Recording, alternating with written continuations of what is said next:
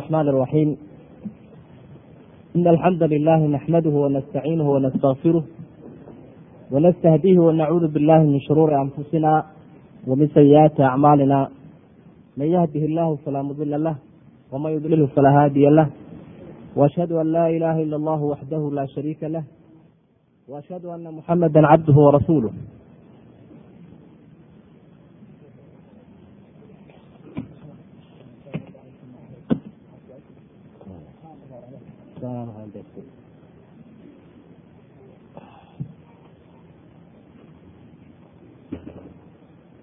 kullay qabowgii baa soo galo waa yar duulsano codkayga xuna raalli baa idin ahaan doontaan ciwaanka muxaadarada ama kelmadan aynu caawa isu jeedin doono. Sidaa aad ku aragteen waxa weeye alistifaadatu min alwaqt. Waktigeena inaynu ka faa'idaysano iyadoo weliba fursadda iyo munaasabadda aynu maraynana aad garan karaysaan. Oo masaajidadii loo wada rinjiyeeyey bishii wanaagsanayda barakada lahayd sidii loo qaabili lahaa iyo waktigaa qaaliga ah sidii looga faa'iidaysan lahaa. Mar walba iyadoo waktiga laga faa'iideynayo haddana waktiga inagu soo socda. Waxaa laga yaabaa jimcahan jimcihiisa ilaahay khayr inagu gaarsiiyey inay ramadaan noqoto. Dabadeedna waxaa la doonayaa dadaal laban laaban oo bar waktiga ka mid ihi aanay dhulka inooga dhicin inaynu geysano insha allahu tacaala allahayna waafajiyo sidaynu walaalayaal qur'aanka kariimka iyo sunnaha nebigaba ka arkayno waxaa laynoogu soo dhigay waktiga aynu marayno iyo maalmaha yaraynu adduunyada qaadanayno fii macradi alimtinaan wa bayaani cadiimi fadli illaahi tacaala cala alinsaan. Weynaanta uu leeyahay waktigu iyo fadligiisa oo ballaadhan ayaa ilaahay qur'aanka kariimka uu kaga waramay waa aayaadka ku sugan suuratu ibraahim. Ilaahay baa waxau ihi wasahara lakum ashamsa waalqamara daa'ibayn. Wasahara lakum alleyla waannahaar wa aataakum min kuli ma sa'altumuuh. Wain tacuduu nicmat allahi laa tuxsuuha. Habeenkii iyo maalinkii iyo qoraxdii iyo dayxii labadaba ilaahay inuu sakhiray buu tilmaamay. Yaa loo sakhiray? Lakum baa ilaahay u leeyahy idinkaa laydin sakhiray cidda lala hadlayaana waa inaga. Sidaa ogtihiin qorax iyo dayax iyo habeen iyo maalin waa waktiga laftiisii. Waktigii baa ilaahay uu tilmaamaya inuu noo sakhiray aayadda qeybteeda dambena ilaahay waxau uhi wain tacuduu nicmat allahi laa tuxsuuha ilaahay nicmadiisa haddii aad tirisaan koobi maysaa nicmada laftigeedu inuu waktigu yahay ayaad halkaa ka aragtay. Aayadda kale suuratu furqaan ku sugan ilaahay waxau ihi wa huwa aladii jacala alleyla waannahaara khilfatan liman araad liman araada an yadakara aw araada shukuura habeenkii iyo maalinkii ilaahay waxa uu ka dhigay laba isbedelaya habeenkiibaa tegaya markaasuu maalinkiina imanaya maalinkiibaa tegaya habeenkiibaa imanaya marka alla wuxuu ka dhigay khilfatan qofka doonaya inuu ka faa'iidaysto ama uu waantoobo ama ilaahay uu mahadnaqo sidaa daraaddeed buu nebi maxamed calayhi salaatu wasalaam mashruuc inooga dhigay. Cibaadooyinka faral iska daayo kuwa sunnaha ah ee qofka dhaafo goortii uu gudanayay ama la imanayay inuu tadaarug ku sameeyo. Oo salaadihii habeenkii aada tukanayso iyo wardigii habeenkii aada akhriyeysa wanaagsanaa masuurka haddii uu ku dhaafo. Tadaarug iyo ka dabatag baad ku samayn doontaa maalintii. Taasina waa khilfada iyo isbeddelka aayaddu ay sheegayso iyo fursad laga faa'idaysanayo inay tiri qur-aanka haddii aada akrido qaybtiisa weliba makiga ah ee maka ku soo degay waxaad arkaysaa ahmiyadda weyn ee uu siinayo waktiga maadaama ilaahay uu ku dhaartay wاlleyli idaa yakshaa wاnnahaari idaa tajallaa wاlfajri walayaalin cashr wاduxaa wاlleyli idaa sajaa wاlcasri ina alinsaana lafii khusr intoo dhamiba waa wada waktigii ayaa ilaahay uu ku dhaaranaya. Culimada mufasiriinta agtoodana waxaa macruuf ka ah shayga ilaahay uu ku dhaarto inuu yahay runtii khalqigiisa ah dadka indhahoodaa loo jeedinaya. Waxaana lagu baraarujinayaa dheefta weyn iyo raadka weyn ee uu leeyahay ummadda. Sunnaha nebiga haddii aynu eegno calayhi salaatu wasalaam waxau nebigu maxamed tilmaamayaa qofka bani aadamka ah marka xabaasha laga soo saaro afar su'aalood baa la weydiinaya oo asaasi ah. Aada u muhiima ay tahay maantaynu fursad haysanaaye. Allah ina waafajiyo inaynu u diyaar garowno. Afartaa masalo laba ka mid ah ayaa maxay ku saabsan yihiin waktiga laba ka mid abaa waktiga ayaa ku saabsan. Xadiidkii dabaraan uu warinayay sanadkiisuna saxiix ahaa.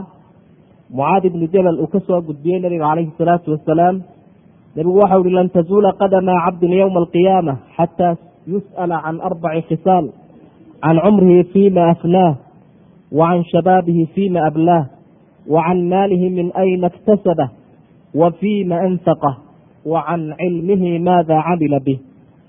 Afarta arrimoode la su'aalayo qofkii marka uu ka soo baxo qabriga wuxuu nebigu ku sheegay calayhi salaatu wasalaam cumrigii qofka cumrigiisii yaraantiisii ilaa weynaantiisii bal cumrigaagii hebelow ka waran baa laleeyahy saayaadka dambe aynu ku arki doonno ilaahay baa waxa uu leeyahy awalam nucamirkum maa yatadakaru fiihi man tadakar muddo wax lagu qaadan lahaa oo la faa'iidaysan lahaa sow kuma hasinin baa ilahay uhi qof yow. Waxaa si gaara uu u tilmaamay xadiidka saxiixahay dhalinyaronimadiisii in qofka la weydiin doono. Waa fursad aada u qaaliya. Dadka halkan jooga intooda badan madaxoodu waa madow yahay runtii madaxoodu inta uu cad yahay ama ciro leeyahy ma badna marka xadiidkaasi inagu inala hadlayaa oo qofku fursadda inta uu haystaa waa labaatankaa sano dhexe. Labaatan uu yaraa uu soo korayey iyo labaatan uu oday yahay. Labaatankaa dhexe labaatan laga bilaabo ilaa afartanka. Fursadda inta uu haysto shabaab lagu tilmaamaa waa intaa. Haddii uu cibaado wanaagsan ku tarbiyo qaadanayo uu la imanayo. Iyo haddii uu cilmi xasilinayo oo uu sahay uruursanayo. Iyo haddii uu dunyadiisa ka faa'idaysanayo wixii ilaahay u xalaaleeyey fursaddii maanta ayay dhalinyaro qaa'im tahay ee inaydaan dayicin ayaynu isugu sheegaynaa runtii su'aasha saddexaad waxa weeye xoolihii qofku xoolahaagii halkaad ka soo shaqaysatay baa la leeyahy halkaad ka ku bixisay ma xalaal baad ka soo shaqaysay mise xaraam.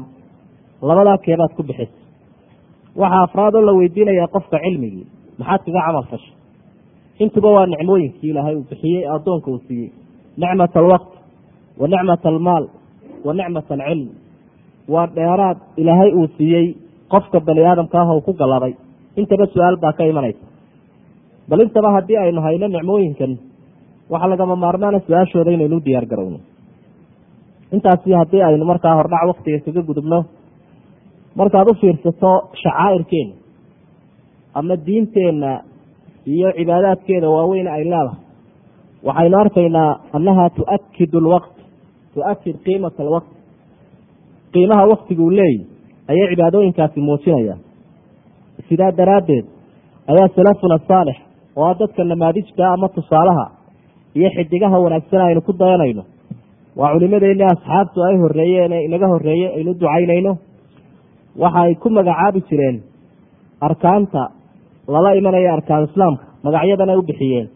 Salaada waxay u bixiyeen miisaan alyowm jumcadana miisaan alusbuuc ramadaanna miisaan alcaam xajkana miisaan alcumr. Midi waxa uu dheeli tirayaa oo khayrkiisa uu miisaanka khayrka kuu rajaxaya ka sharkana kaa masaxaya maalinkii. Waa miisaankii afar iyo labaatanka saacadood waa salaadii. Midna miisaanka usbuuca ayay ku magacaabeen oo waxa weeye jumcadii. Midna waa miisaanka sanadka.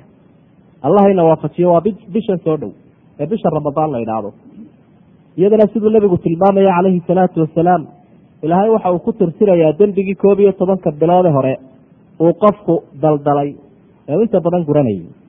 Xajkana miisaan alcumr waa kii isaguna dheeli tirayey cumriga qofka. Waa ka nebigu yihi calayhi salaatu wasalaam alxaju almabruur laysa lahu jazaaun ila aljanna. Xajka la aqbalay ee wanaagsan abaalkiisu waa janna un. Abaal kale ma laha buu markaa nebigu yihi calayhi salaatu wasalaam nicmada walaalayaal maanta aynu haysanno ee aynu isku baraarujinayno sidaynu uga faaidaysan lahayn. Waxa ay kaga duwan tahay nicmooyinka kale khasaa'ista soo socota. Ama arrimo u gaara ayay leedahay oo nicmooyinka kale aanay lahayn. Nicmada cilmiga iyo tamaalka waxyaabo aanay lahayn oo ay kaga duwan tahay oo intaynu waktiga hayno inaynu ku baraarugan ay tahay ayay leedahay. Waxaa ka mid a khasaaista u goonida ah surcatu inqidaai. Waktigu tegiddiisu waa runtii mid aada iyo aada u dheeraynaysa oo aada buu u degdegayaa waktigu wa huwa ka saxaab yajri jarya riix. Waktiga aad ku jirta ama ha ahaada midaad faraxsan tahay ama midaad yaro si tahay oo aada murugaysan tahay ha ahaadee kolleyba waxaa iska macruuf oo waktiga aynu ku jirnaa inuu yahay mid aada u degdegaya aada buu u degdegaya.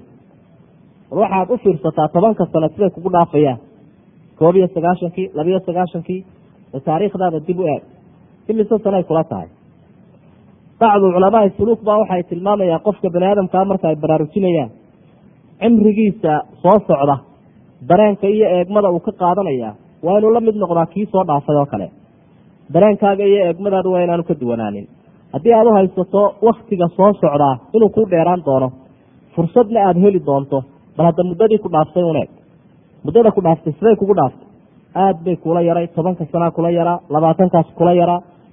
Qofkii isagu intaa kaba weynaa waktiguba aada buu ula yaryahayba.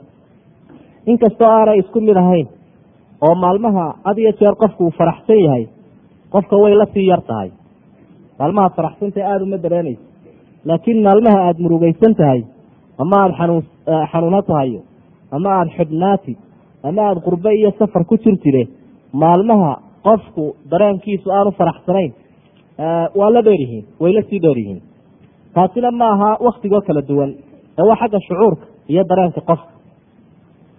Axad shucaraa nimankii gabayey mid ka mid ah ayaa isagoo xikmadan ka waramaya oo arrinkaa xikmadiisa sheegaya waxa uu lahaa oo tilmaamaya waktigu kolleyba inuu deg deg badan yahay oo uu si aada iyo aada u dhakso badan ku dhaafayo laakiin uu waktiga farxadda iyo waktiga murugta uu kala duwan yahay baa waxau lahaa mara sinuunu bilwisaali wa bilhana fakaanaha min qisariha ayaamu uma intanat ayaamu hajrin bacdaha fakaanaha min tuuliha acwaamu uma inqadat tilka sinuunu waahluha fakaanaha wakaanahum axlaamu waxau ihi sanaduhu iyagoo degdegaya oo dhaksanaya ayay ku dhaafayaan marka uu qofku faraxsan yahay intaa maalmaha farxadda waxa ku xigaysa ila waa adduunyaynu joognaa waa meel la isku imtixaanayo. Farxaddiina waa lagu imtixaanaya.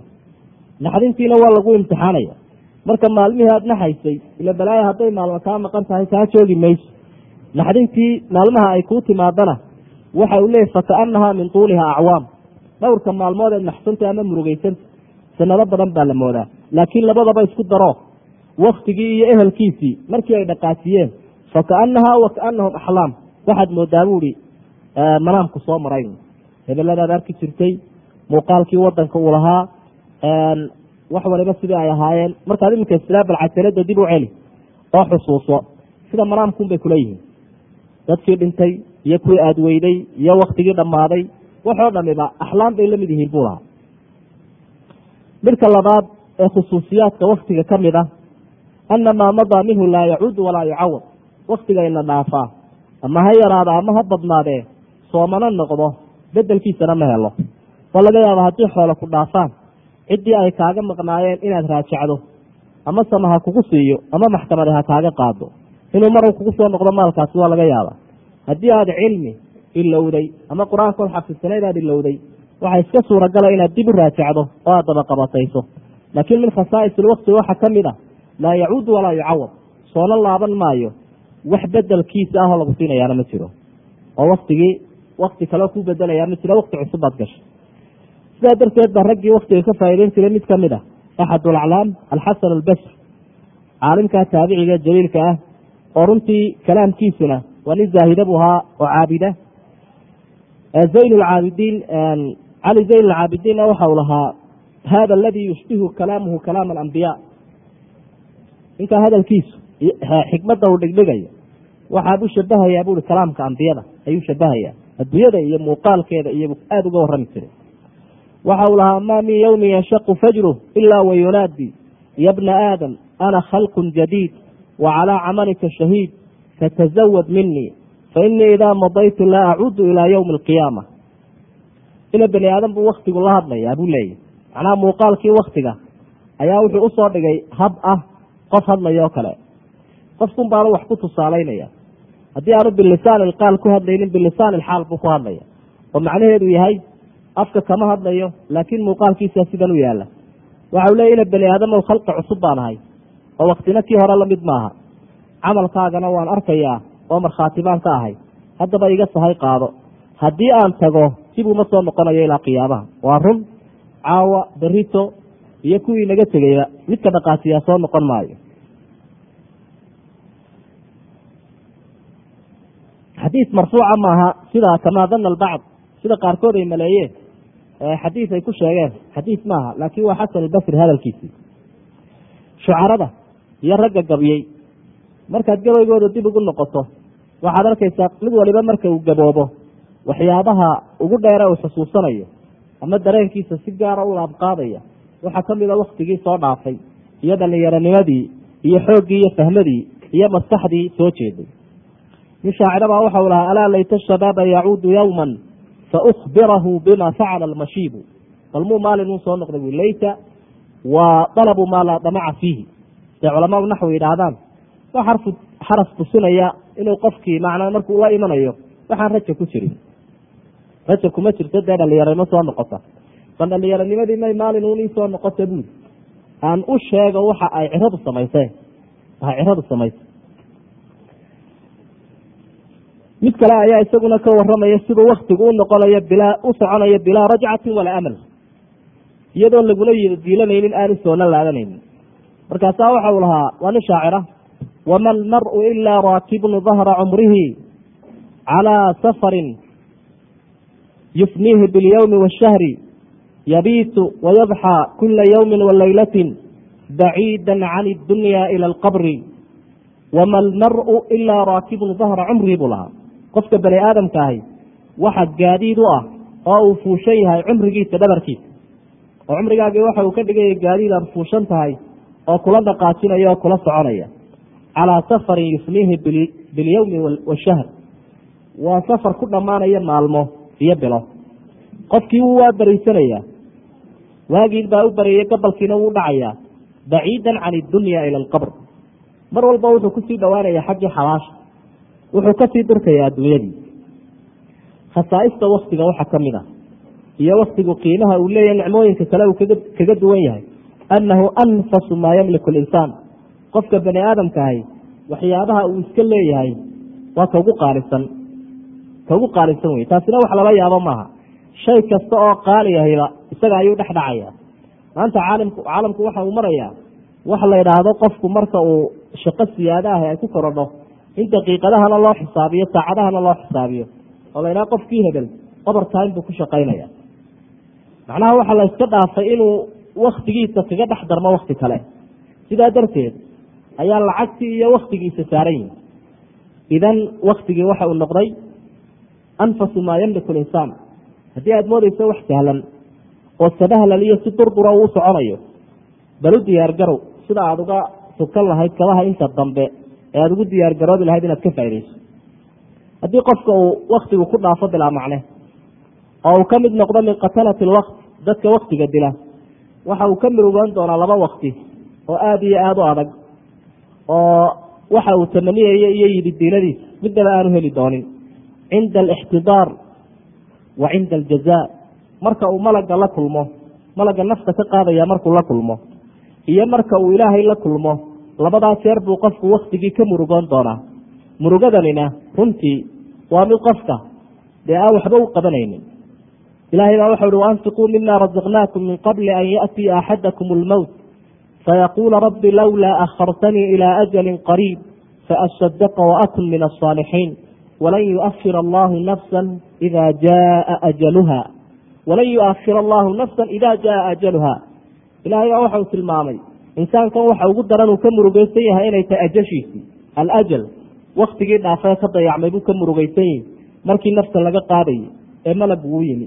Markaasaa waxa leeyahy tanis tanisun bal halaysiiyo markaasaa ilahayna uu leeyahay taniskaasi waa dhaafay qofka waa bacda fawaati lawan cinda aljaza buu murugoon doonaa qofku marka la abaal marinayo ee uu arko rag midhaha qaaliga ah ee uu ka soo gurtay waktigiisii uu ka faa'iideeyey cilmi iyo camalba markaasaa dabeedna ilahay uu taa ka waramay markaasaa rabbi waxau ihi ahlu naarkii isagoo xusaya maqaalkooda inoo soo gudbinaya. Waxay idhahdeen rabbana akhrijnaa nacmal saalixan hayra aladii kunaa nacmal. Awalam nucamirkum maa yatadakaru fiihi man tadakar wajaakum annadiir faduuquu fama lilaalimiina min nasiir. Waxay leeyihiin ilaahay una dib dhigun. Ilahay naarta naga saar bay idhahdeen waxaanu soo samayn doonaa camalkii hore mid dhaama canaantuna maxay ugu dhacday? Cimrigaa dee laydin siiyey baa layidhi. Wakti baa laydin siiyey aad ka faa'iidaysan lahaydeen waktigiina wuu dayacmay. Go'aankiina wuxuu noqday faduuqu famaa lilظaalimiina min nasiir. Halkay ka qodax qaateene laga raacay ummadda ah maxay ahayd? Waa dayacaadii waktiga haddaba qofka muslimka ah waajibka saaran waxyaabaha ugu muhiimsan waxaa ka mid a alxirs cala alistifaadati min alwaqt. In waktigeenna yaro kooban ee aan dheeraynba inaynu ka faaideyno inaynu ka faa'iideyno oo acmaaru soomaal.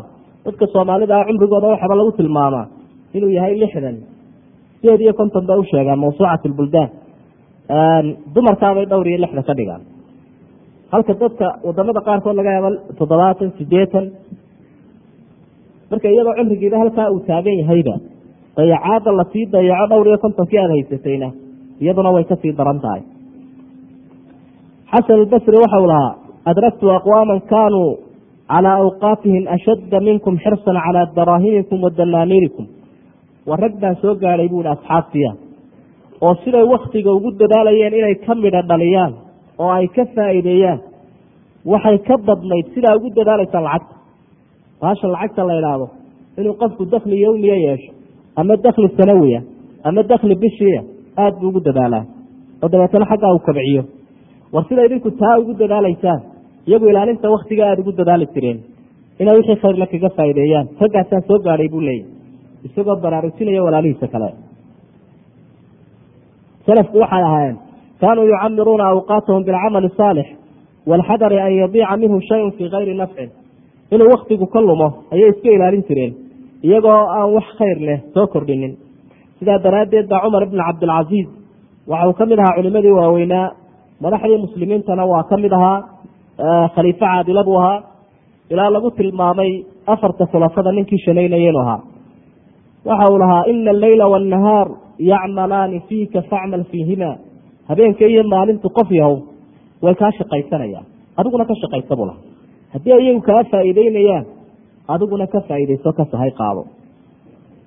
Waxaa halkudhigii salafka ka ahaa min calaamati lwaqti min calaamati lmaqti idaacat lwaqti astaamaha qofku in aanu rajo lahayn muujinaya waxaa ka mid a isagoo waktigiisa dayaca oo lumiya oo ka mid noqdo dadka waktiga dila. Sida macruufkaa waxaa ka mid ahaa ereyadooda alwaqtu sayfun in lam taqtachu yaqtacu kelmadaas aynu marar badan soo celino waktigu waa sida waktigo waa sida seeftoo kale haddii aanad tarin isaga ayaa ku jaraya waxaa caadadii salafka iyo culimada hore aynu ku dayanayno ka ahaa annahum kaanuu yuxaawiluuna daa'iman attaraqi min xaalin ilaa xaalin axsana minha isbeddel inay yeeshaanoo hore ay u socdaan oo aanay noqonin dad dib u noqda. Ila nabigu calayhi salaatu wasalaam ducadiisii waxaa ka ahayd allahuma inii acuudu bika min alxawri bacda alkawr allahuma inii acuudu bika min alxawri bacda alkawr wa min alnuqsaani bacda ziyaada. Intii aan ilaahay hore u socday ee wax ii kordhayeen inay wax iga nuqsaamaan taasaan kaa magan galay. Sidaa awgeed baa culimada selafka mid ka mida waxa uu lahaa man kaana yowmuhu ka amsihi maqbuul waman kaana yowmuhu shara min amsihi fahuwa malcuun. Qofka uu la mid yahay maantadiisani shalaydiisii ay la tahay ee aan waxba soo kordhin waa maqbuul macnaha waxa ku keliya waktigii qofka ka sii darayna isaguna waa malcuun oo lacnad buu soo kororsada heerkaasay ka taagnaydba ragga aynu ku dayanayno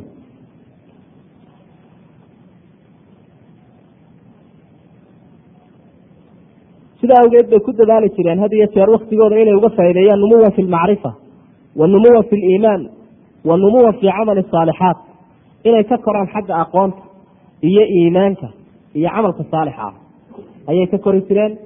Mar walbana ay sahay qaadan jireen. Maalinba maalinka ka dambeeya bilba bisha ka dambeeya iyaga oo sii kororsanaya sidaa daraaddeed ba cabdillaahi bn mascuud radia allahu canhu ayaa waxau lahaa maa nadimtu calaa shayin nadamii calaa yowmin garubat shamsuhu naqasa fiihi ajalii walam yazid fiihi camalii shayna ugama murugooda buuri sidaan uga murugooda hal maalin oo intoo qoraxda ay soo baxday cimrigaygii uu sii yaraaday oo cimrigaygii uu dhinmayo. Ajashaydii way nuqsaantay laakiin camalkaygii ma kordhin. Maalinkaas sida aan uga murugoodo buuri wax kale ugama murugoodo. Murugadaydu taasay ugu badan tahay buu leeyahy mid kale waxa uu leeyahay axad alaclaam kullu yawmin yamuru bi laa asdaadu fiihi cilman yuqaribunii min allahi caza wajal falaa buurika lii fii طuluuci shamsi dalika alyowm maalin kastay soo baxdo aanan waxba kororsanin buuri alla maalinkaa ima barakeeyo. Mar haddaana waxba ii soo kordhin. Shaacirada isaguna xikmad sheegaya isagoo ka waramay arrintana waxa u leeyahy idaa mara bii yowmu walam aktabis hudaa walam astafid cilman famaa daka min cumri. Maalin kastoo i soo maro wax hanuuna aanan kororsanin buuri wax cilmiyana aanan faa'iidaysanin. Ilaa labada ugu mudakarsana raasamaalka rasmigii waa kaa raasamaalka rasmiga ah dadku waxay kala sheegaan xoolahoodao qaybina ay tahay hantigii hore u haysto raasamaala qaybina ay u soo korodho faa'iidaa laakiin hantiga rasmigaah waa hanuunkiiyo iimaanka iyo camalka saalixa.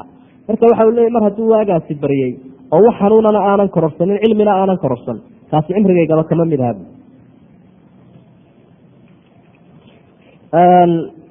waxaa haddaba jira dad lagu tilmaamo katalat lwakti dadka waktiga dilaya runtii taasina way iska badan tahay. Oo sida loogu israafo ama loogu xadgudbo maalka. Ilahay uhi walaa tubadir tabdiira. Haddaad daadinin xoolaha oo ha ku xadgudbin saasoo kalea waktiga laftiisiina dad ugu xadgudba ay jiraan. Oo aan kaga faa'iideynin diin iyo dunyo toona bal iyaga laftigooda marka la weydiiyo waktigiisa lumaya waxa uu leeya waktigaanu ku dilayna. Marka runtii taasina waxaa la odhan karaa malaha mujtamacaadka ay aada ugu badan tahay ayaynu nahay. Inaynu waktiga dilo. Waxaynu ku dilaynaa inaynu saab cunno ama aynu ciyaaro gallo ama mafrushi aynu samaysano ama maqaaxiyo in badan waktiga aynu ku qaadano waxaad egtaa qofku markanuu qayilayo muddada uu fadhiyo dee qofku saddex saddex sideedaad buu haysta saddex meelood oo afar iyo labaatankii saacado saddex meelood oo misteeda halkii loogu talagalay inuu sideedna seexdo sideedna shaqaysto sideedna cilmi iyo cibaado ku buuxiyo qaadka intee lagu qaadanaya mujtamacan aynu ku dhex noola ila kan hareeraheenna lagu iibinayo soo dhacayey iyo kun laba kunto ay dhacayse waxaa lagu qaadanayaa sideed saacadood baa lagu qaadanaya. Labada laga bilaabo cidaarkii maysta waa la kala libdhaya ilmaa iyo sagaalka ama sideedda habeenimo haddii aan qarxintii la samaynin oo aan lagu laba kaclayn marka taasi akalatulqaad dadka qaadka cunaya waa cidda ugu badane runtii waktigoodii dishay iyadoo aan cilmina lagu camirayn cibaadana goobtaa lagu wadin. Laakiin waxa lagu wadaa uu macruuf yahay. Dadka qaarkoodna ma qaylaan laakiin waxaa iska dhacdaa in maqaaxida gelinka hore saddex saacadood lagu qaato. Gelinka dambe iyo habeenkiina afar saacadood lagu qaato dabeetana sideediina dhinacan kale uun? Isaguna hoos uga macaasho qofka oo khasaaraha u galo. Qayb kale ayaa iyaguna waxay ku mashquulsayin alalcaab ciyaaraha ama ciyaar la daawado ha ahaato oo berigii dhaweedo ciyaaruhu soconayeen.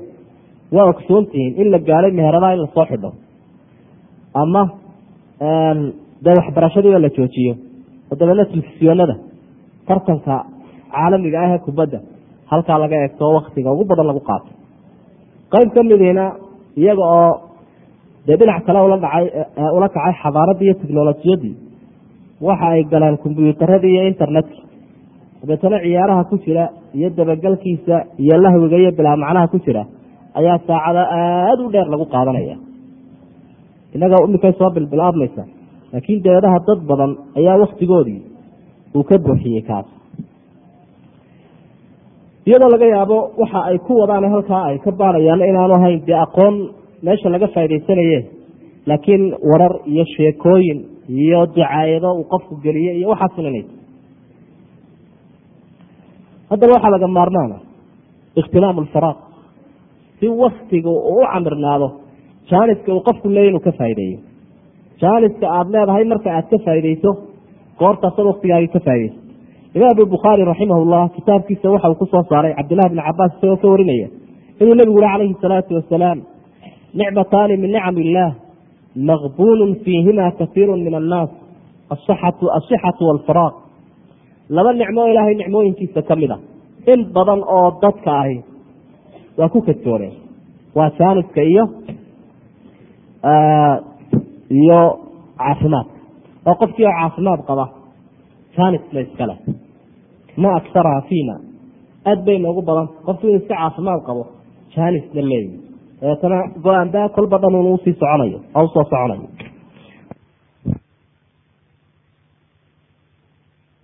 Timaado fi lbayci washiraai watijaara qofku markuu wax sii iibinayo ama soo iibinayo haddii la dago oo la suldaaro oo halkaa wax xun uu ka qaato waxaa la yidhahdaa fulan maqbuun ninkaa hebel waa la dagay baa la yidhahdaa haddaba maxaa loogu tilmaamay? Qofkan waktigiisii uu dayacmay inuu maqbuun yahay. Alcalaamatu almanaawi ayaa waxa uu leeyahy shabaha almukalafa bitaajir wasixata walfaraaqa bira'si ilmaal qofkan mukalafka ah ee wax laga doonayo ee cibaadaad inuu la yimaado laga doonayo waxau nebigu ku shabahay calayhi salaatu wasalaam qofkii daaca mushtariga ahaa ee wax soo saarayay caafimaadkii iyo jaaniskii oo labadaa nicmee waaweyn u haystana waxaa lagu shabahay ra-sumaalkiibuu nebigu ku shabahay calayhi salaatu wasalaam. Haddaba hadduu qofkan labadii iska lumiya wuxuu ka dhigan yahy qof daac mushtariahoo boqolkii kun uu suuqa la galay boqolkiiba dayacay oo waxba aan ka soo kordhinin. Likownihima min asbaabi alarbaax wa muqadamaati najaax qofka ilaahay kula xidhiidha inuu amarkiisana fuliyo wixii uu u diidayna uu ka tago runtii kaasi faa-idu helay. Raasimaalkiisiina uu ka faa'ideeyey ka shaydaan calankiisa dabagalaana isaguna ku guldarayso o ku khasaaray.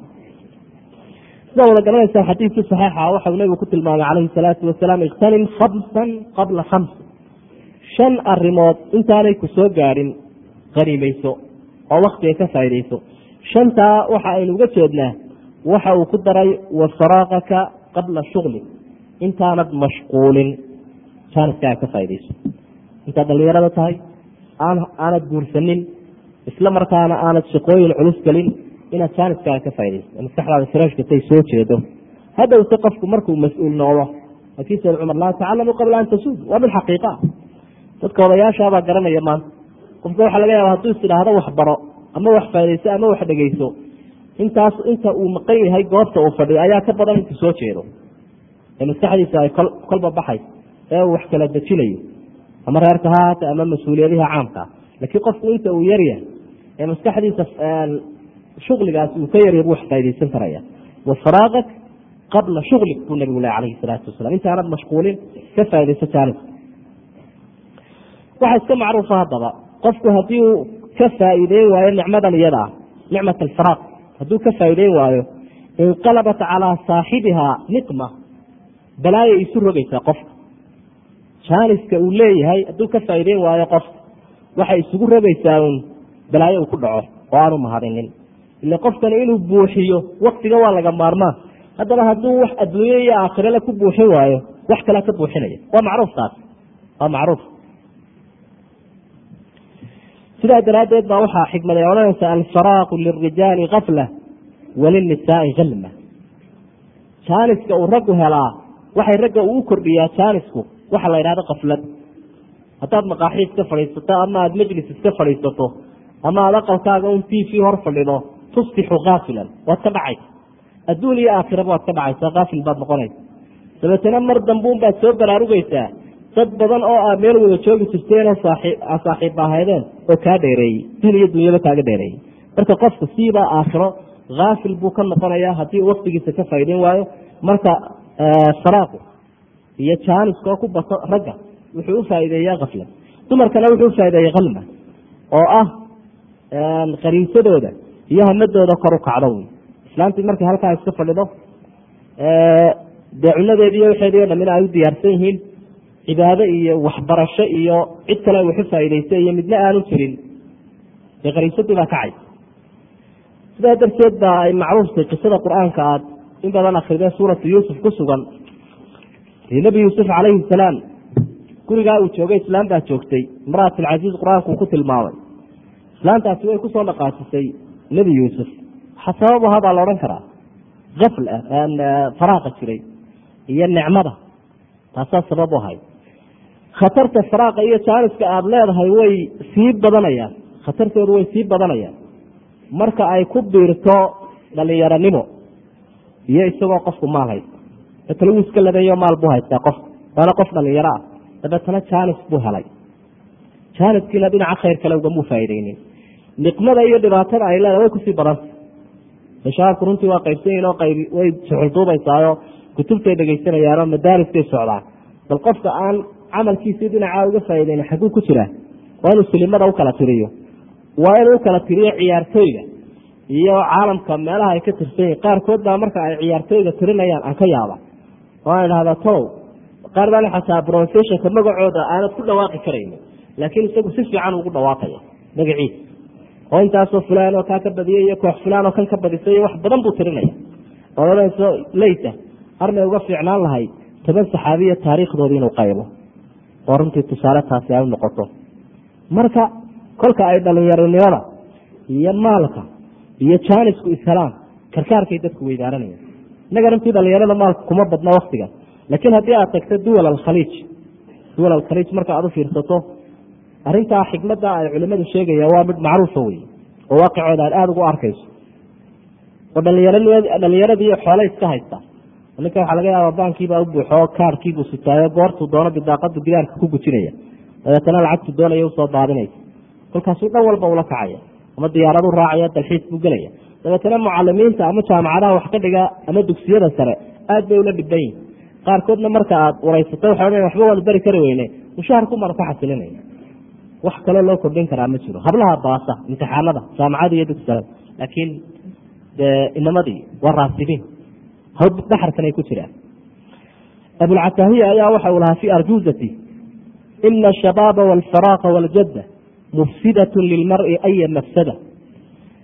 Marka ay jaaniska iyo kulmaan nicmadu ama maalku iyo dhalinyaronimadu marka ay kulmaan saddexdaas mufsidatun lilmari aya mafsada. bu qofka waxay u fasahaadinaysaa si aada u xeel dheer oo wax kale u fasahaadinaya aanu jirin. Mid kalena waxa ihi isagoo nin ka war ayuu sharax ka bixinaya iyo sida waan baday dabeedna wuxuu hi laqad haaja alfaraaqu calayhi shugla wa asbaabu lbalaa'i min alfaraaqi. Waxa uu ku kiciyey buui jaaniskii uu lahaabaa mashquul ka dhigay buui jaanis buu ninkani leeyahy laakiin jaaniska laftiisii ayaa meeleeye oo mashquul ka dhigay. Balaayo dhamina waxay ka timaadaa buui faraaqa iyo jaaniska aan laga faa'ideynay haddaba islaamku isagoo jahaynaya tahay waxa uu qofka faray almusaaracatu fi lkhayraat inuu khayraadka u degdego. Waayo qofka muminka ahi waxa uu dareemayaa qiimaha uu leeyahay waktigu idan laa yuajilu lkhayr walaa yuakhiruhu min yowmin ilaa gadin cajzan aw kasalan qofka muminka ahi marnaba isagoo wahsanaya jaanis uu maanta ka faa'ideyn lahaa berri uma dibdhigayo waa midka laynaga rabo wey aynu isu baraarujinayn.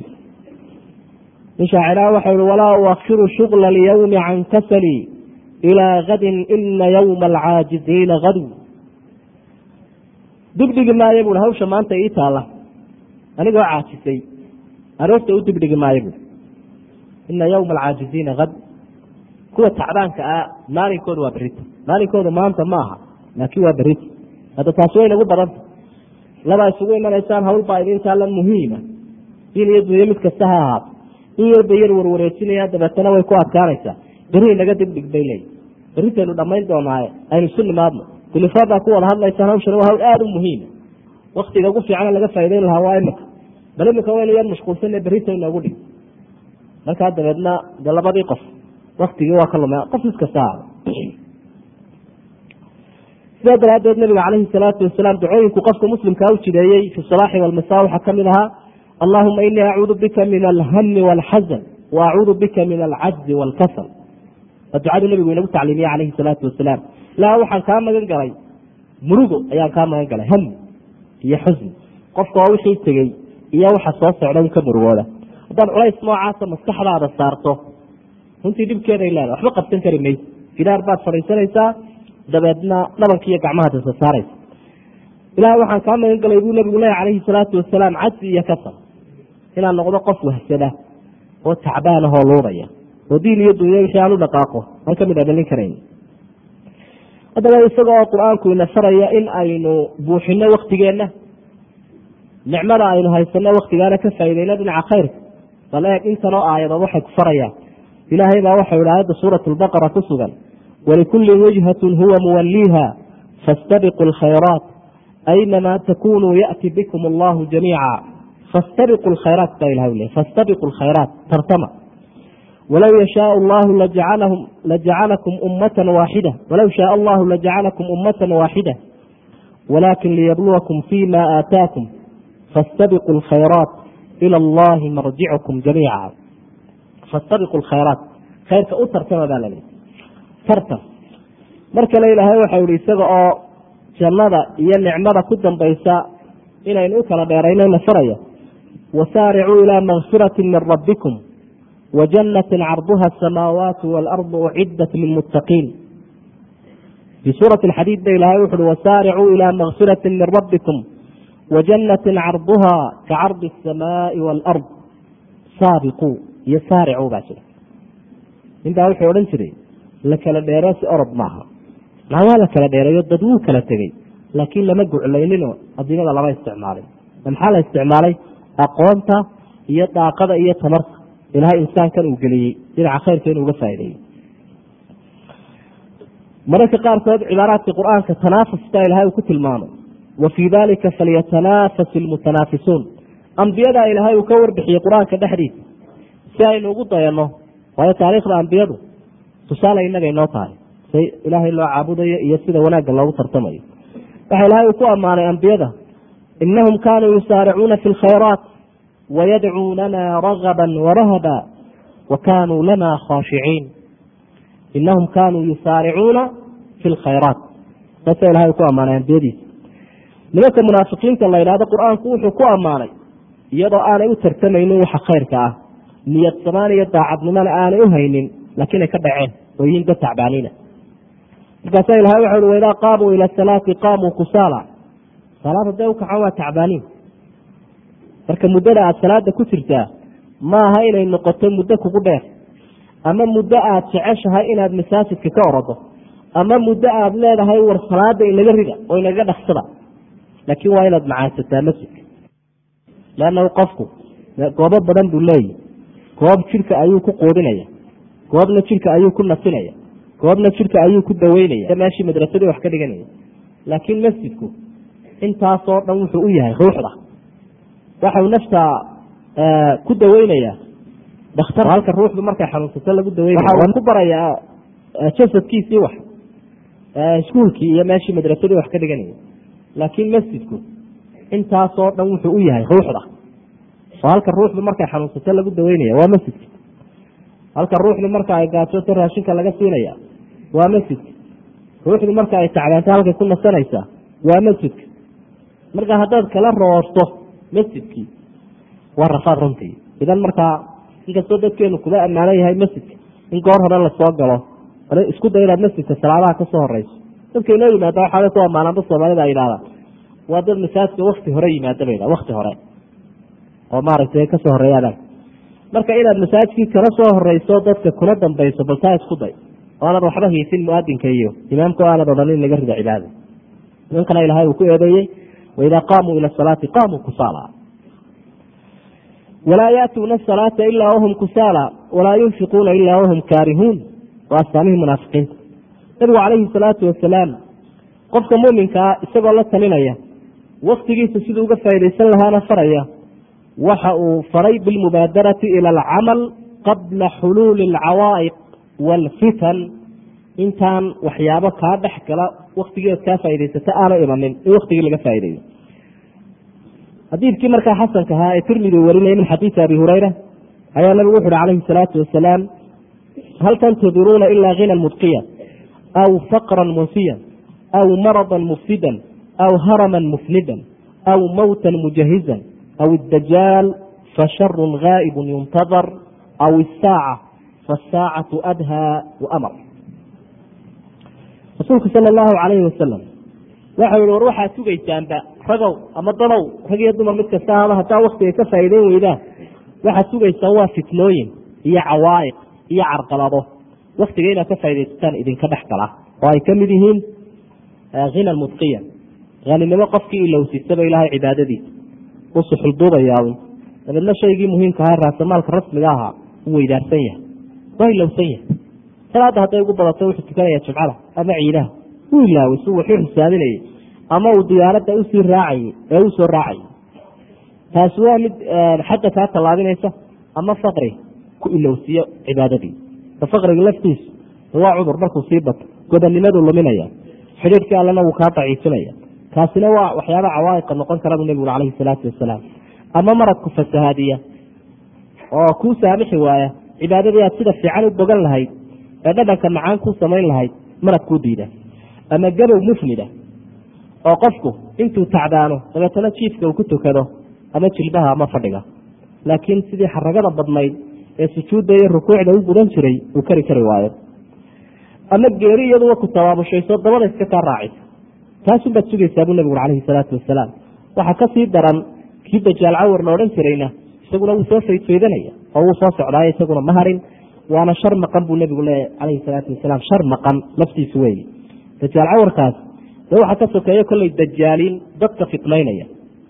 Oo imikaba ay macruufta saad ku arkayso dee haymanada caalamiga ah ama dadka muslimiinta caalamka dhibka ay ku hayaan gaaladu waa dhibkii dajaalku uu geysan jiro dadka uu soo gaaro marka waa dajaaliinkii weynaa ka sokeeya oo diintoodii iyo caqiidadoodii iyo cibaadadii iyo dacwadii iyo degaanshihiiba dadka way ka lumiyeen. Bal iska daa dadka muslimiinta oo gaal iyo islaamba way fasaadiyeen oo halkii dajaal cawar bay u yihiin naxdinta ay ku hayaan waa kuwa dadkii isu socon kari waayey ee wada xidhiiri kari waayey baqaawgii. Marka nabigu calayhi salaatu wasalaam taladaasuu siinaya ummadiisa hadda walaalayaal waxa lagama maarmaana waktigu si uu barako u yeesho inoo midho dhalo in tandiim lagu sameeyo oo waktigeena aynu nidaamino waayo qofka muslimkaa waktigiisa iyo arrimihiisa o dham waa mubarmaj waa qof habaysan oo wax walba meel ku hagaajiyey. Arrimuhuna waxay u qeybsan yihiin hayru lmuhim wa muhiim waalaham wa mawquut wa hayru mawquut wa caajil wa hayru caajil masel camalada qaarkood muhiimma si ahaa. Camal kalea isagu muhiima. Camal kalea ka sii ahamsan oo ka sii mudakarsan camal baa wakti leh camal baad wakti walba la iman kartaa camal baa deg dega midna dibdhac buu ku aqbalaya. Inta mid walba dawgiisa inaad siiso waxay tahay waxyaabaha waktiga lagaga faa'ideynaya oo idinka arkayoo dee fuqahadu marka ay ka waramayaan salaadaha faradka ah ee kulma. Waa qawaacidda ay raacaan bay ka mid tahay qaacidadani. Oo maala waxaa kulmay ciiddii iyo jumcadii iyo salaatuljinaasadii iyo kuwaasaa kulmay ciiddii baa la tukanayaa jumcadii baa la tukanayaa way isku beegmi karaane. Waxaa kale taalla goortan salaatujinaasadii hadday doonto dayaxmadoobaad baa ku beegmay intaba sida loo tartiibinayo waa kuwa ka warama marka taasi runtii waxa ay tahay faa'iidada waktiga laga faa'iideynayo labada camala kuu yaalla inaad ku xisaabtanto wey talow kee sii ahamsan. Talow keebaa waktigiisa in la ilaaliya a un tahay oo wakti dambe ku aqbali kara.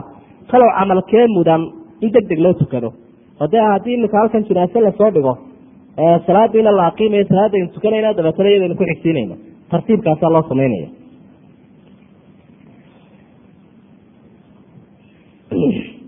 ibn xibaan waxa uu saxiixiisa ku wariyey min xadiisi abi dar aطawiil lafdigana waxaa le ibn xibaan xaakim naftiisu saxiixulisnaad buu ku sheegay tarkiib buu ku sugan yahay xadiidku. Waxyaabaha uu nebigu ka wariyey can suxufi ibraahim waxaa ka mid ahaa yenbagii lilcaaqil maa lam yakun maqluuban calaa caqli an yakuna lahu arbacu saacaat saacatu yunaaji fiiha rabbah wa saacatu yuxaasibu fiiha nafsah wa saacatu yatafakaru fi sunci illaahi caza wajal wa saacatu yaklu fiiha lixaajatihi min almadcami walmashrab suxufi ibraahim waxaa ku sugnaa qofku haddii aanu ahayn mid wareersan ama ka dhacay oo kaafilah laakiin uu yahay qof waktigiisa ka faa'ideynaya waxa aboon inuu yeesho afar saacadood saacad oo ilaahay la faqayo saacaddaad ilaahay la faqanayso aada ilaahay la faqayso ee aada la xidhiidhayso dukaanna ha xisaabinin suuqna ha marin dadaa muranteenna dib ha u soo xusuusanin berri waxaad qabanaysana ha ka fekerin saacaddaasi ilaahay u gooni yeel. In badan baa qur'aanku uu ku ammaanay qofka muminkaah marka uu tukanayo inuu khushuucda badiyo oo si toosa ilaahay ula xidhiidho. Saacadda labaadna waa saacaduu naftiisa xisaabinayo qofka nusuus badan baa ku soo aroortay inuu qofku naftiisa xisaabiyo. Oo inta aanad hortegin kii ku xisaabinayo ilaahay. Liiskii iyo khayrkii weynaa malaaigtu ku daba wadeen intaan la keenin inaad naftaada xisaabiso oo aad kala shaandhaysa waxaad wado iyo saacad uu ka fikirayo qofku fii sunci illaahi caza wajal aayaadkan qur'aankana waa la akriyaa aayaadka caalamkay ku nool nahayna waa la akriyaa waa nabiguna calayhi salaatu wasalaam habeenka qaybtiisa dambe aayaadka akri jiray. Iyo saacadaad isu diyaarinaysa inaad shaqaysato. Marka saacad la leeya waktigaagu sidan u qaybi wey gaaladu markay qofka warbixinaya waktigiisa waxay dhahaan sideed waa inuu seexdaa. Sideedna waa inuu shaqaystaa. Oo inta badan dee shaqadu sida caalamiga waa sideed saacadood sideedda kalena waa inuu raaxaystaa bay dhahan marka iyaga liiska uguma jirto cibaado iyo ilaahay oo lala xidhiidho iyo naftoo la xisaabiyo iyo annadar watafakur fii makhluuqaat illah taas uguma jirto. Waa inuu raaxaystaa dabeedna muxuu ku raaxaysanaya? De waa dhan walba u rido. Oo marna khamri cabo marna kubad ciyaaro marna wax wado sidaasuu markaa qofka waktigiisa u nidaamsan yahay. Iyadoo aada ogsoon tahay sunada nabiga calayhi salaatu wasalaam markaad dib u jalleecdo in qofku camal ha qabto o ilaahay hala xidhiidho laakinahu laa yurhiqu nafsah naftiisii ma kalifayo oo ma dirqiyayo oo nabigu calayhi salaatu wasalaam wuxuu dadka muminiinta ka dardaaray qofku intay jibadu ku badato oo uu dabeetana is idhaahdo aada u dadaal. Inaanu isa saarin camal iyo cibaado aada u badan. Taasi waxay keenaysaa intuu wax badan u qaadi karaynin qaado. Inuu dabeetna jilbaha dhulka ku dhufto. Oo dabeetana ha dhowto. Uu ku cikari waayo. Ina addiina yusrun walan yushaada diina axadun ilaa halabah fasadiduu waqaaribuu waabshiruu xadiidkaa bukhaari ku sugan abi hureyra warinayo. Nebigu saasuu inagu faraya calayhi salaatu wasalaam diintan islaamku waa diin fudud haddaad maqasho mid ka dhacay oo leh diintan gacmaha googoynaysa ama dadka diintaha lagu xukumo waxbaba yay ka hadhine. Waa kaafil jaahil laa yacrif min diinihi shayan. Diintii baana waxba ka garanayn. Wa diintana way dabacsantahy buu nabigu leh calayhi salaatu wasalaam. Qofka isku adkeeyana wuu ka xoog badanaya. Haddaba arinkiina dhexdhexaad kuwada ila ilahay baa wakadalika jacalnaakum ummatan wasata. Bushaaraystana buu leeyahy oo marka sidaa u dadaashaan waxaa ku bushaaraysataan in aa khayr heli doontaan walaa ba'sa bitarwiix. Qofku haddaba inuu mararka qaarkood naftiisa waxyaabo ugu yaro raaxeeyo xalaala laa ba'sa. Oo waxaad arkaysaa caaisha oo nabigu leeyahy calayhi salaatu wasalaam qolo ciyaaraysa maa daawan oo dabeetana eegeysa oo uu leeyahay maka daash. Qoladii warmaha iyo waxarhiridaya mararka qaarkood dee durbaanada ayaa la tumi jiray. Waxyaabaha qaarkood oo afaraya buraaburna waa la tirin jiray. Taasina wuxuu haystay qalbigii oo casiga laga yaro biilaya mararka qaarkood waana kii nabigu calayhi salaatu wasalaam xandala kula telinaya lahaa walaakin yaa xandala saaca wa saaca. Macnaha saacadaha qaarkood qofku waa inuu yar nafisi karaa oo waxyaabaha mubaaxa ah inuu u bayri karo wey alcalaamat lasmaci baa waxau arkay islaam baadiyaha joogta. Islaantaasi laba arrimood bay isku dartay. Tusbax bay sidataayo halkan farta u sugan. Indhakuulna way haysataayo muraayad bay isku eegeysaayo way indhakuulanaysa markaasaa waxa uu leeyahy ayna haada min haada? Bal waayahe labadan sida isu qaban bui waatanoo tusbixiina way sidataayo daakirad bay isu dhigaysa. Inay ilahay xusaysa. Sidoo kale indhakuulna way la taagantahay kolkay aragtay inuu yaabsan yahay ayay iyaduna ridatay markaasaa waxay leedahay walilaahi minii jaanibun laa udayicu. Walilahwi minii walbaطaalati jaanibu ilaahay waxa uu noloshayda iyo waktigayga ku leeyahay qayb oo ah inaan la xidhiidho oo aan u cibaadaysto. Marnaba qaybtaa dayici maayo bay ti laakiin inaan lahwiga iska yaro qaato mararka qaarkood iyo badaalada dee dhinac baan taana ku leeyahay bay ti saasay ugu jawaabtay. Markaase asmaci waxa uu leeyahay fafaqihtu annaha imra'atu saalixa daatu zawjin tatajamalu lah. Ruux dumarahoo faahimadoo diinteeda garatay inay tahay. Oo markaa ninkeedu isu qurxinaysa inay tahay baan gartay sibaanaan kaga hadhay haddaba waktigu camal waliba wakti buu leeyahay. Camal waliba wakti buu leeyahay. Sidaa darteed baa wakti walba in camalkiisa la siiyo ay tahay. Nusuusta qur'aankuna taasayna baraysa. Iyadoo lagala horumarinaynin lagala dibdhigaynin macnaha sida waktigu ku midho dhali karo ee qofkuna fadli badan uu ku heli karo waxaa ka mid a camal walba oo cibaadaadka iyo ka aynu qabanayno ah inaynu waktigiisa ka faaideyno salaadii baa ilaahay waxau hi ina asalaata kaanat cala almu'miniina kitaaban mawquuta. Soomkiina ilaahay wuxuu ihi faman shahida minkum shahra falyasumhu. Xajkiina ilaahay waxau ihi alxaju ashhuru macluumaat. Zakadiina ilaahay waxau ihi waaatuu xaqahu yowma xasaadi. Xaqiisa bixiya xoolaha maalinkaa goosanaysaa xajkuna bilo gaaruu leeyahay bilihiisaasun taga ramadaanna bil bay leedahay hana qadimina hana akrine bishaasun la yimaada salaaduna wakti bay leedahay waktigeeda un ilaaliya. Idinkoo aan weydaarinaynin oo sidaa u degdegaysaan aan ka horumarinin kala degdegaynin waxa uu lahaa axad alculamaa min asalaf awqaat lcabdi arbacatu laa khaamisa laha qofka waktigiisu waxa weeyaan bu ihi afar wax shanaadba maleh waktigaaga haddaad dib u eegto waa afarun bu annicmatu walbaliyatu waaacatu walmacsiya. Qofku mar wuu nicmaysan yahay oo waa barwaaqaysan yahay wuu laban yahay bashbash iyo barwaaqa buu leeyahy xoolihii baa dhalay roobkii baa da'ay arigii baa furan oo la dhoofinayaa. Dhan walba bakhaarkii baa furan. Intoo dhamiba way jiraan. Marna waa albaliya. Ee kolka hore nicmadaa lagu imtixaanay. Markana waa albaliya. Waxbaan isugu hagaagin hadduu liyahaa arigiibaa istaagay. Dabeetana xagga sacuudigaa la sheegaalinaya. Oo leegayaa laleey talow maarba faakistaa goormaa la furaya. Abaar baa si noqota midka saddexaadna waxa weeye ataaca. In ilaahay uu awood ku siiyo inaad cibaadaysato. Oo shayga islaamku uu cibaado u yaqaano aada rabbi kula xidhiidho. Midka afraadna waxa weeye almacsiya. Inuu qofku maalmaha ka dhacsan yahayoo raadka ibliiska uu ku taagan yahay. Oo ibliiska cagta cagta u saaray. Walikulli sahmin lahu min alcubuudiya mid walba waxaa la doonayaa afartaa xaalo inaad ka dhicin addoonnimada. Ee mar walba addoonnimada ka faa'iidey oo marnaba addoonnimadii ha ka bixi. Masalan qofku waxay yidhahdeen faman kaana waqtuhu taaca fasabiiluhu shuhuudu lminati min allahi calayh. Marka aada cibaadaysanay ilahay aada cibaadaysanaysa ilahay cibaado ku waafajiyo. Cibaadada waynu isla garanaynaayo. Shayga ilaahay raalli gelinaya ku jidayaad kula xidhiidhayso. Mar haddii aad aragto adigoo taa lagu waafajiyey waxaad ogaataa nicmo ilaahay uu ku siiyo u ku waafajiyenaysa idan mahadnaq baa kula gudban qul bifadli illaahi wa biraxmatihi fabidalika falyafraxuu huwa khayru mima yajmacuun suuratu yunus ilaahay baa waxa u leeyahy taasi waa fadli ilaahay iyo naxariistiisa. Addoonkii ha ku farxo. Adduunkay jamcinayaana fadligaa iyo cibaadadaasaa ka khayr badan iyo daacada.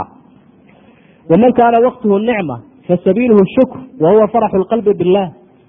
Haddii markaa nicmo aad hayso oo arrinkaagu iyo bashbashiyo barwaaqo ilaahay u mahadnaq qalbigaagu ha ku faraxsanaado ilaahan kuu nicmeeyey iyo inaad ku dadaasho shukrigii. Qowl iyo ficil iyo qalbiga ilahay baa waxau ihi kuluu min risqi rabbikum washkuruu lah baldatun ayibatun wa rabbun kafuur arsaaqadaa ilaahay cunaa ku mahadnaqa. Dalsanna ilaahay wuu idin siiyey. Dembi dhaafna wuu idin siiyey. Marka diin iyo duunya isuukiin darmee ilaahay ugu mahadnaqa nicmadiisa. Waman kaana waqtuhu lmacsiya fasabiiluhu tawbatu walistikfaar bay dhaha culimadu qofka maalintaa ka dhaca ee simbirraxda ee macsiyo ku jira isagana fursadda la gudbani waa inuu ilaahay dembi dhaaf weydiisto oo ilaahay u noqdo. Qul yaa cibaadiya aladiina asrafuu calaa anfusihim laa taqnatuu min raxmat illaah ina allaha yakfiru dunuuba jamiica. Ilaahay baa bushaaradaa fariin ugu soo dhibay nebi maxamed caleyhi salaatu wasalaam markaasaa waxa uu leeyahy addoommahayga ka dhacay xadgudbeen naftoodii meel kaga dhacay waxaad u sheegtaa in ilahay dembigoo dhan dhaaf. Marka addoonnimada dhabtahay waa taas wey waman kaana waqtuhu baliya fasabiiluhu sabru warida. Qofka maalintaa imtixaanan ee yar saranseerme wax ka silan yihiin. Midhka la gudbane waxa weeye inuu qadarka ilaahay ku sabro qadarka ilaahayna ku raali noqdo. Dhibkana uu ku sabro. Walanabluwannakum bishayin min alkhawfi waaljuuci wa min alamwaali waalanfusi waaltamaraat wabashir saabiriin. Aladiina idaa asaabathum musiibat qaluu qaluu ina lilahi waina ilayhi raajicuun waxaanu idinku imtixaani doonaa baa ilahay ihi cabsida iyo gaajada iyo dad iyo dunyo intaba inay wax idinka noqdaan. marka laakiin u bushaare baa ilahay u leeyay dadka sabraya. kuwaasoo marka musiiba ay ku dhacdo midhka ay kaga dabaalanayaan ay tahay ina lilaahi wa ina ilayhi raajicuun. waxaa haddaba xusid mudan runtii taxari alawqaati alfaadila siyaabaha uu waktigeenu ku barakaysnaanayo intaa aynu soo sheegnay waa ka mid waxaa kaloo kamida waktiga fadliga badan in lagu dadaalo oo laga faa'iideeyo. Waana midka baaciska u ahaa ama sababta u ahaa kelmadeennan caawa aynu sodhanaynay oo runtii waktiga qiimaha badanayna soo qaabilsanaynu ka faa'iidaysanayno. Sideedabana waxaa macruufa in ilaahay cidduu doonayo iyo waktiguu doonayo iyo shayga goobta uu doonayo iyo nooca uu doonayo uu fadilo taasi waa min shani luluhiya addoomaha kuwuu doonayo amaakinta iyo goobaha kuwuu doonayo waktiga ka uu doonayo anwaacda ka uu doonayo ayuu fadilaa oo u dheeraad siiya taasina waa mid de aynaan halmaansanayn aada u xusuusannahay masalan waktiga habeenkii. Wuxuu xusay nabigu calayhi salaatu wasalaam saacaadka saxr qaybta dambe adee kuwa saddex meelood ama afar iyo afarta saacadood dambe. Ee loo yaqaano wakti saxr kelinka dambe ama hurda dakarta inuu dheeraad leeyahay. Oo uu ka mid yahay waktiyaasha faadilka ah. Oo uu yahay waktigii uu nebi yacquub inamadiisii gafay ku lahaa saufa astakfiru lakum rabbii hadhow baan ilaahay dembi dhaaf idin weydiin doonaa bacdu saxaaba say ku fasirayaan. Waktigaa ilaahay waxa uu leeyahy sida ku sugan xadiidka muslim ee saxiixa ah ee abi hureyra warinayo hal min mustakfirin faakfira lah hal min taa'ibin faatuuba calayh hal min saa'il hal min daacin xataa yanfajira alfajr